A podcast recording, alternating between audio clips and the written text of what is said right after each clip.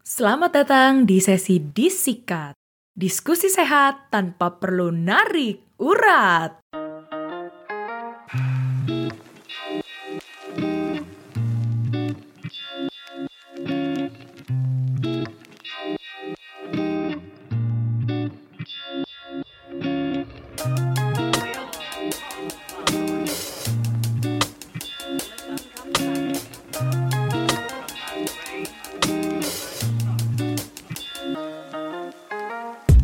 Buat yang udah ngikutin Abjad Tersirat dari awal, pasti kalian familiar ya sama sesi disikat alias diskusi sehat yang ada di Instagram story-nya Abjad Tersirat.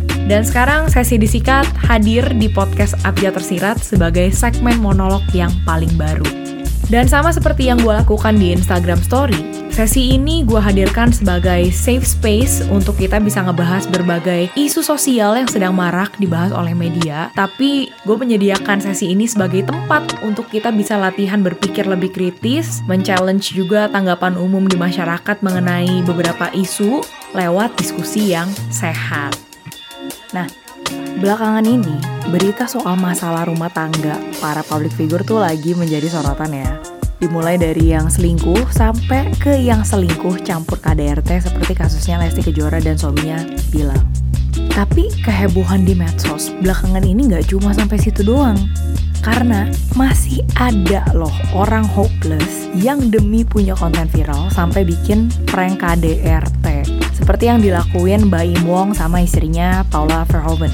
Nah, akhirnya karena semua kehebohan ini, gue memutuskan untuk buka sesi disikat di Instagram story-nya Abjad Tersirat tentang pendapat kalian mengenai prank KDRT. Dan juga soal isu bertahan demi anak walau pernikahan itu udah nggak sehat. Kalau misalnya soal KDRT, ya udah tentulah ya banyak netizen dan juga kalian yang ngamuk-ngamuk ngatain Paula sama Bayu tuh bego. Tapi apa hubungannya sih sama isu bertahan demi anak walau pernikahan kita misalnya udah gak sehat? Kemarin itu gue sempat ngeliat postingan yang ngena banget dari akun Instagramnya perempuan berkisah. Dan di situ mereka kasih masukan nih ke netizen supaya nggak maksain perempuan korban KDRT menerima kembali perilaku pasangannya yang abusive. Jadi ini berawal karena ada banyak komentar netizen di Instagramnya Lesti untuk ngebujuk si Lesti balikan. Atau maafin perilaku suaminya demi tanda kutip kebaikan anak mereka atau tentu saja demi agama. Karena hal ini, gue pun tergelitik untuk nanya satu hal di sesi disikat kemarin, yaitu solusi apa yang akan lu pilih kalau misalnya lu udah punya anak ketika mengalami KDRT atau perselingkuhan di pernikahan. Apakah lu akan memilih jalur perceraian memilih bertahan demi anak, atau solusinya tergantung situasi dan kondisi. Dan juga, apa sih pendapat kalian soal bertahan di pernikahan demi anak? Responnya somehow heboh-heboh banget ya. Dan ada beberapa cerita yang masuk soal pengalaman kalian sebagai anak dari orang tua yang pernikahannya nggak beres. Cuma apakah in reality orang tua kita nih betul-betul bertahan demi kita gitu? Atau mereka, entah secara sadar ataupun enggak, memakai alasan anak sebagai tameng untuk bersembunyi dari ketakutan mereka. Terutama ini untuk para ibu ya, yang financially dependent sama suaminya. Terus misalnya nggak punya kehidupan di luar pernikahan, dan takut banget untuk bercerai apalagi memutuskan hidup mandiri sama anak-anaknya. Jadi, tanpa perlu berlama-lama lagi, mari kita analisa sama-sama soal isu bertahan di pernikahan demi anak. Di sini gue akan share perspektif dari orang tua, lalu dari anak dan kenyataannya di lapangan tuh seperti apa. Dan tentunya kesimpulan dari diskusi ini bukan tentang pilihan yang benar atau salah, karena semua pembahasan di sini tuh memang 100% subjektif ya, yang based dari hasil polling dan juga jawaban atau cerita-cerita kalian di Instagram story-nya Abjad Tersirat kemarin. So, kalau kalian yang mendengar ini merasa tidak relate, ya nggak apa-apa gitu. Karena gue juga berharap kalian nggak nelen ini mentah-mentah. Malah gue menganjurkan untuk kalian mengkaji ulang semua perspektif yang ada di sini berdasarkan value, prinsip hidup, ataupun pengalaman keluarga kalian masing-masing. Oke, gue mulai dulu nih dari perspektif orang tua kita, terutama dari pihak ibu atau nyokap. Kalau misalnya memang betul ya, 100% bertahan demi anak, biasanya mereka bertahan karena nggak mau kasih contoh jelek ke anaknya. Dalam hal ini tentu aja tentang perceraian. Kalau untuk nyokap gue sih, karena dia dididik sama mamanya seperti itu dari dulu, alhasil dia pun mati-matian bertahan di pernikahannya dengan alasan Dia nggak mau ngeliat anak-anaknya nanti kalau udah nikah, punya masalah gede, terus langsung gampang begitu aja untuk ngomong mau cerai gitu ya. Menurut gua itu baik sih, karena secara nggak langsung juga jadi mengajarkan gua untuk untuk nggak gampang nyerah gitu saat ngadepin masalah-masalah gede di relationship. Tapi, nah ada tapinya nih. Dan tapi yang satu ini akan gue jelaskan lebih mantap lagi ketika kita mendekati penghujung acara. Oke, kita next ke analisa yang berikutnya yaitu orang tua yang bertahan di pernikahan, tapi sayangnya cuma pakai anak sebagai tameng. Kalau dari cerita kalian, alasan para ibu untuk bertahan biasanya didorong oleh satu hal, yaitu takut dijudge orang sekitar. Entah karena takut di label jelek sebagai janda, takut dikatain orang gereja atau komunitas religiusnya, dan juga takut dianggap sebagai ibu atau istri yang gak bertanggung jawab. Dan yang terakhir, Mungkin takutnya tuh lebih karena takut sama ketidakpastian entah itu sama diri sendiri ataupun masa depan. Misalnya, kalau gue cerai nanti bisa nggak ya gue jadi single parent gitu? Bagi waktunya gimana ya? Terus support sistemnya seperti apa nih? Dan bisa nggak gue provide yang terbaik untuk anak gue dari segi mental maupun finansial ketika gue menjadi single parent nanti? Gue nggak tahu nih dari ketiga alasan besar itu, mana yang menurut lo jadi alasan paling tai untuk orang tua kita bertahan. Tapi menurut gue, yang paling tai dan gak bijak adalah saat orang tua bertahan di pernikahan yang toksik karena alasan yang kedua, yaitu takut dihakimi sama orang di sekitarnya. Kenapa begitu?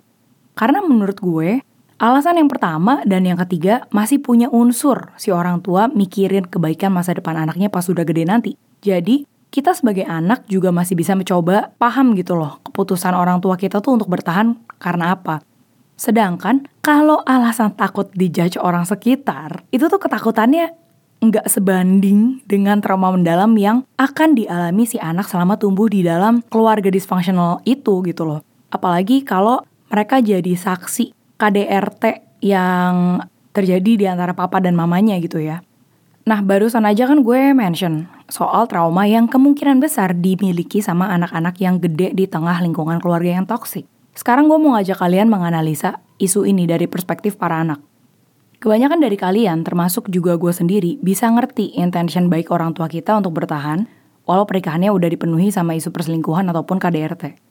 Tapi, di sini gue bisa menarik satu benang merah, yaitu intention yang baik ke anak tidak cukup kalau orang tua kita sehari-harinya nggak pernah punya intention baik towards each other untuk memperbaiki hubungan mereka sebagai suami istri. Karena kalau lu bertahan demi anak, semua orang tua juga bisa bertahan. Tapi dengan kualitas keluarga atau hubungan suami istri yang seperti apa?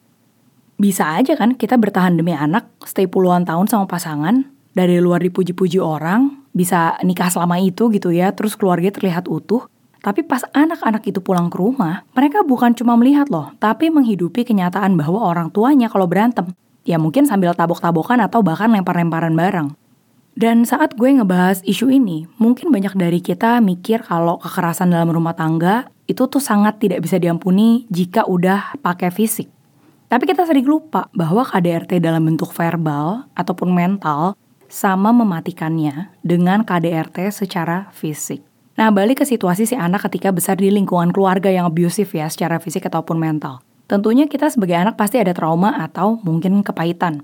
Misalnya gue sama beberapa temen gue tuh struggle banget sama trust issue walaupun gue sendiri udah nikah jalan hampir 7 tahun. Tapi di sini gue tersadarkan bahwa nikah dan punya pasangan yang suportif nggak langsung menghapus semua trauma kita sama keluarga gue mungkin posisinya memang jauh lebih mendingan dibanding saat dulu pacaran ya. Tapi kalau trust issue gue lagi kambuh ya luka-luka batin sama bokap pasti langsung kebuka lebar lagi gitu. Dan menurut gue pribadi, ketika kita besar di keluarga yang problematik banget, kita tuh selalu berada di posisi yang serba salah. Karena pada kenyataannya, ketika kita decided untuk hidup mandiri dan lepas dari lingkungan keluarga kita yang toksik, mau nggak mau kita jadi harus jaga jarak sama orang-orang terdekat yang masih ada di lingkungan itu. In this case, gue dan juga beberapa pencerita di sesi disikat kemarin decided untuk jaga jarak sama nyokap. Karena nyokap kita memutuskan untuk terpenjara sendiri sama pikirannya. Dan ini udah sempet gue jelasin juga di episode 73. Gue juga bikin tulisan di Abjad Tersirat yang editannya dibantu sama Stefani Chandra dari Kata Puan yang berjudul Ibu Menggali Kuburnya Sendiri. Jadi kalau lu empet banget ngeliatin situasi nyokap yang begitu dan lu perlu perlepasan, silakan cek aja tulisan dan episode yang tadi gue sebutin.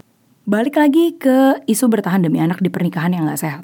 Tadi di awal episode, gue sempat nyebutin ya, tiga alasan besar kenapa orang tua kita memilih untuk bertahan. Di sini mau bertahan atau enggak, semua itu tergantung sama prinsip hidup, kepercayaan, dan value masing-masing orang. Tapi menurut gue, kalau memang orang tua atau mungkin kita memilih jalur untuk bertahan, maka dari itu kita harus consider keputusan itu melalui tiga pertanyaan singkat ini. Why, how, and what's next? Why tentunya menyangkut sama motivasi atau niat terdalam yang dimiliki oleh individu yang terkait di relationship itu.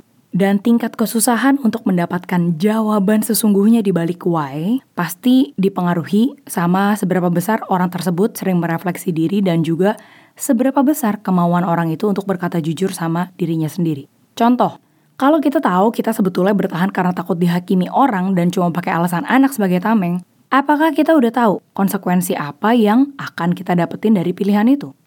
Dampaknya apa sih ke parenting kita nanti? Dan juga apakah kita bisa jadi ibu atau bapak yang cukup waras dan stable untuk anak kita? Kalau anak kita ternyata punya trauma mendalam, kita bisa tanggung jawab sampai mana? Apa pun intention kita, Be sure kita sadar sama hal itu beserta dengan seluruh konsekuensi yang ada. Nah, consideration yang kedua adalah how. Kalau tiap individu yang bersangkutan udah bisa jawab why-nya dengan jujur, tentu harus dibarengi dengan aksi nyata. Bagaimana nih ya, kita sebagai orang tua sekaligus pasangan suami dan istri melakukan perbaikan di kehidupan berrelasi kita sehari-hari. Apa kita perlu bantuan profesional seperti psikolog atau konselor pernikahan? Atau apa kita perlu minta bantuan circle teman baik atau tokoh agama yang kita percaya di komunitas religius kita? Menurut gue, siapa pun atau apa pun itu yang bisa membantu situasi kita, seenggaknya kita harus punya komitmen ngerjain PR untuk diri sendiri dan juga tugas kelompok nih sama pasangan lo. Nah, consideration yang terakhir adalah what's next. Gue pernah bahas ini secara detail di segmen ngobrol sama suami episode yang ke-8. Tapi intinya di situ gue sama Albert share beliefs kita dalam menjalani hubungan, yaitu semua hubungan harus punya deadline, beserta dengan konsekuensi apa yang harus dijalani oleh semua orang yang terkait kalau deadline-nya nggak kesampaian. Contohnya gue akan pakai kasus klasik di hubungan, baik itu ketika pacaran ataupun menikah yaitu saat pasangan kita berselingkuh. Let's say si pasangan minta maaf dan janji nggak ngelakuin itu lagi. Terus kita kasih second chance. Abis itu pasangan kita bangkainya ngulangin lagi. Lalu patternnya berulang. Maafin aku beb, aku janji nggak selingkuh lagi dan so on. Abis itu kita maafin lagi. Terus semuanya keulang lagi sampai Tuhan Yesus datang untuk yang kedua kalinya. Nah, reaksi umum kan biasanya langsung menyalahkan pihak yang selingkuh berkali-kali ya. Tapi di mata gue, Mau kita nyalahin pihak yang berselingkuh separah apa pun, itu tidak akan mengubah kenyataan bahwa dia akan sangat mungkin untuk selingkuh lagi. Jadi, yang terpenting adalah semua keputusan balik lagi ke kita untuk ngerespon apa ke perilaku pasangan kita yang sering selingkuh. Once is a mistake, twice is a pattern, and three time is a habit. Jadi kalau kita tahu kasus pasangan kita yang berselingkuh itu udah jadi habit, kita mau bertindak seperti apa? Kalaupun mau bertahan dikarenakan isu materi atau ekonomi, kita punya deadline nggak untuk mau bertahan sampai kapan? Dan titik toleransinya nih sampai mana untuk kita berada di hubungan ini? Apa nunggu sampai anak kita ngelihat papanya ngelakuin KDRT? Atau pas suami kita bawa selingkuhannya ke rumah? Anyway, proses why, how, and what's next ini terdengar cukup logical dan simple secara teori. Tapi tingkat kesulitan menjalaninya balik lagi ke mindset orang-orang yang bersangkutan. Kalau lo emang terbiasa untuk mempelajari hal baru, termasuk tentang diri lo sendiri, gue rasa proses ini akan bisa dilalui dengan outlook yang lebih positif. Tapi, ini akan sangat sulit untuk kita yang belum siap ngebenahin diri dan sepenuhnya bertanggung jawab sama konsekuensi dari semua tindakan baik dan buruk yang kita lakukan dalam suatu relationship. Nah, Tiap orang tua dan keluarga punya pertarungannya masing-masing di pernikahan yang mereka jalani. Dan pertarungan apa pun yang orang tua kita ambil dan kita alami sebagai anak, semoga kita bisa ngambil segi baiknya dan dapat pelajaran bijak dari segala hal yang kita rasa kurang baik. Sebelum episode ini berakhir, seperti biasa gue mau kasih satu pertanyaan untuk kalian semua. Menurut kalian, hal apa lagi sih yang perlu diperhatikan kalau memang kita harus bertahan di pernikahan demi anak? Thank you for listening dan kalau lu mau ikutan sesi disikat yang gue buka di Instagram Story, silahkan follow Instagramnya Abjad Tersirat supaya lu bisa ngedapetin update-nya. Dan kalau lu mau kasih ide atau topik-topik yang seru untuk dibahas di sesi ini, langsung aja ngobrol sama gue via Instagram ya.